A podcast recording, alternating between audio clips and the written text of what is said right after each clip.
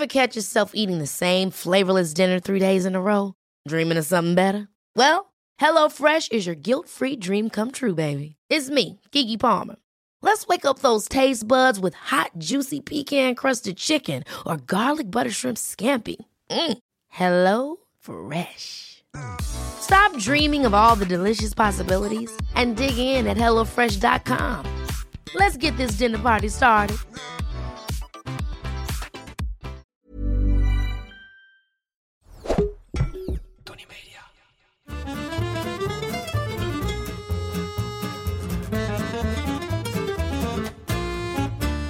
Ik ben Julius Jaspers en ik ben meer dan dol op eten.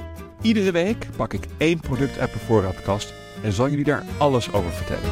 En vandaag is dat de pinda. Pinda's uit de hand of gemengd met andere noten, ik vind ze allemaal lekker. Wel gebrand en gezouten, alhoewel ik in de keuken meestal ongebrande en ongezouten gebruik. Op van die doppinda's ben ik minder dol. Ik vind het vooral een hoop gedoe en ik denk dat mijn hand-oogcoördinatie het aflegt tegen het tempo waarin ik ze wil eten. Ook vind ik het vaak een soort mismaakte gezelligheid in een kroeg. Als daar van die bakken pinda's op tafel staan boven een met doppen afgeladen cafévloer. Een rommeltje. Denk niet dol op. Op pinda's in de keuken ben ik wel dol.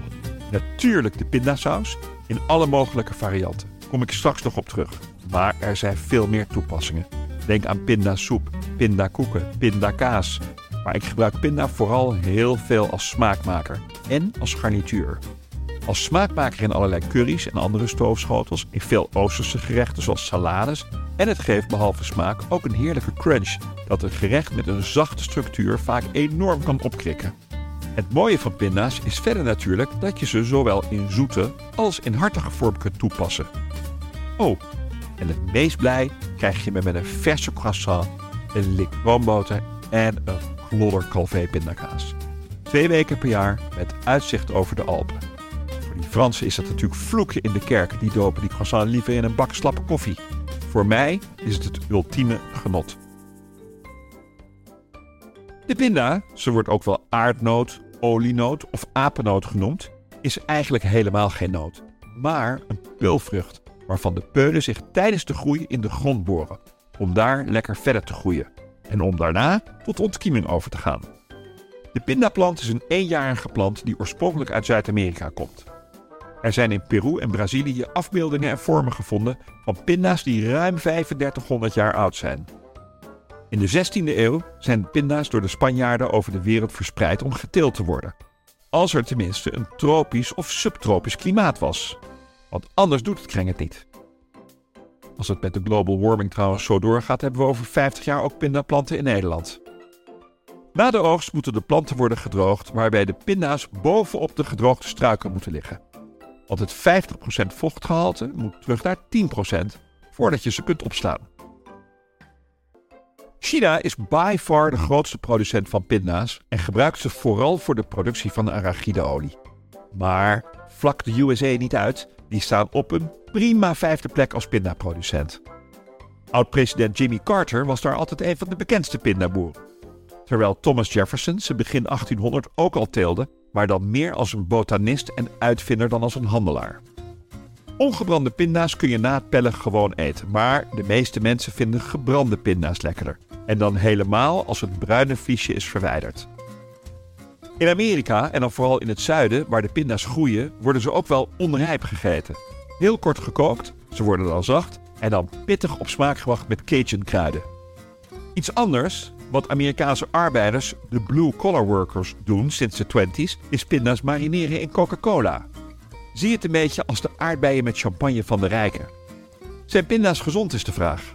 Het onverzadigde vet uit de pinda helpt met het verlagen van de cholesterol. Er zit vitamine B in en vitamine E. Het voedingscentrum raadt zelfs aan om elke dag een handje ongezouten pinda's of noten te eten. Pinda's zijn wel een beetje caloriebommen, met zo'n 600 calorieën per 100 gram. Maar wat betreft koolhydraten valt het dan wel weer heel erg mee. Slechts 12 gram per ons. Waar er dan weer 7 gram vezels van zijn ten opzichte van 5 gram suiker. Pinda's worden bij ondervoeding vaak ingezet omdat het peultje vol proteïne en calorieën zit en zo snel kan helpen met weer op de been komen. Maar pinda's kunnen ook niet gezond zijn. Ja, te zeggen levensgevaarlijk. Ik heb wel eens in een vliegtuig gezeten dat er werd omgeroepen of we de kleine zakjes met pinda's alsjeblieft niet open wilden maken. Vanwege een zwaar allergische passagier. Je ziet in de laatste 10, 20 jaar een verdubbeling van mensen met een pindaallergie. Het zijn er zomaar 2 op iedere 100 in de Anglo-Saxische landen en 1 op de 100 bij ons. Best veel eigenlijk. Er doen vele verhalen de ronde over de toename van de pindaallergie. Toegenomen hygiëne, een veranderd eetpatroon, minder bacteriën en we krijgen minder vitamine D binnen omdat we minder buiten komen. Vooral baby's en peuters zijn vatbaar voor pindaallergie. En dan vooral via de huid, waar het lichaam de pinda als een indringer ziet. Je kunt kleine kinderen het beste snel aan pinda's laten wennen.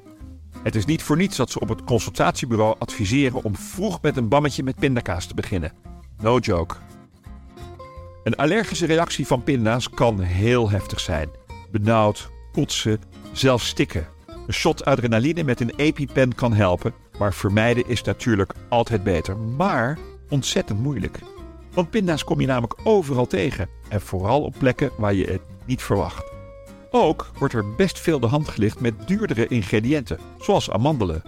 Een uitbater van een restaurant in Londen is onlangs tot zes jaar gevangenisstraf veroordeeld omdat hij, ondanks meerdere waarschuwingen, pinda's bleef gebruiken in plaats van amandelen. Met de dood van een van zijn gasten tot gevolg. Een pindaallergie is overigens niet te verwarren met een notenallergie. Bij een pindaallergie spreek je van een peulvruchtenallergie. Maar allergie voor sojabonen, erwten of andere bonen loopt daar niet mee in de pas en komt dan ook weinig voor. Ha, met een beetje pech kun je ook nog last hebben van allergiebutyrophobia. Wat betekent dat je als de dood bent dat pindakaas aan je gehemelte blijft plakken. Pindakaas is toch eigenlijk wel de meest gebruikte pindavariant in mijn keuken of aan tafel. Ik noemde Calvé al even, die is er niet groot mee geworden. Maar er is ook een echte pindakaaswinkel met maar liefst 12 filialen in den landen en een webshop. Ongelooflijk lekkere pindakaas, naturel, met karamel en zeezout. Hun bestseller, met koffie, check them out. En roer ze regelmatig om, anders worden ze keihard. Koken met arachideolie, de bij chefs populaire pindaolie, doe ik niet. Als je dan een allergische gast hebt, moet je meteen alles helemaal omgooien. Het geheim van de chef deze week is Paul's pindasaus. En dat is meteen mijn lekkerste gerecht met pinda. Paul is mijn zwager. Hij is van Curaçao en hij is notaris en is dus een geduldig man. En geduld is net wat je nodig hebt bij deze saus. En Surinaamse pindakaas. Klik op de link in de beschrijving van deze aflevering voor het recept. Dat was hem over pinda's. Zeker niet alles, maar best wel wat. Wil je meer weten over iets in je voorraadkast? Stuur me dan een berichtje via Instagram. Of ik weet het al, of ik zoek het voor je uit, maar ik geef altijd antwoord. De volgende keer heb ik het over knoflook. Dag! Ever catch yourself eating the same flavorless dinner three days in a row? Dreaming of something better? Well, HelloFresh is your guilt-free dream come true, baby. It's me, Kiki Palmer. Let's wake up those taste buds with hot, juicy pecan crusted chicken or garlic butter shrimp scampi. Mm. Hello Fresh. Stop dreaming of all the delicious possibilities and dig in at HelloFresh.com. Let's get this dinner party started.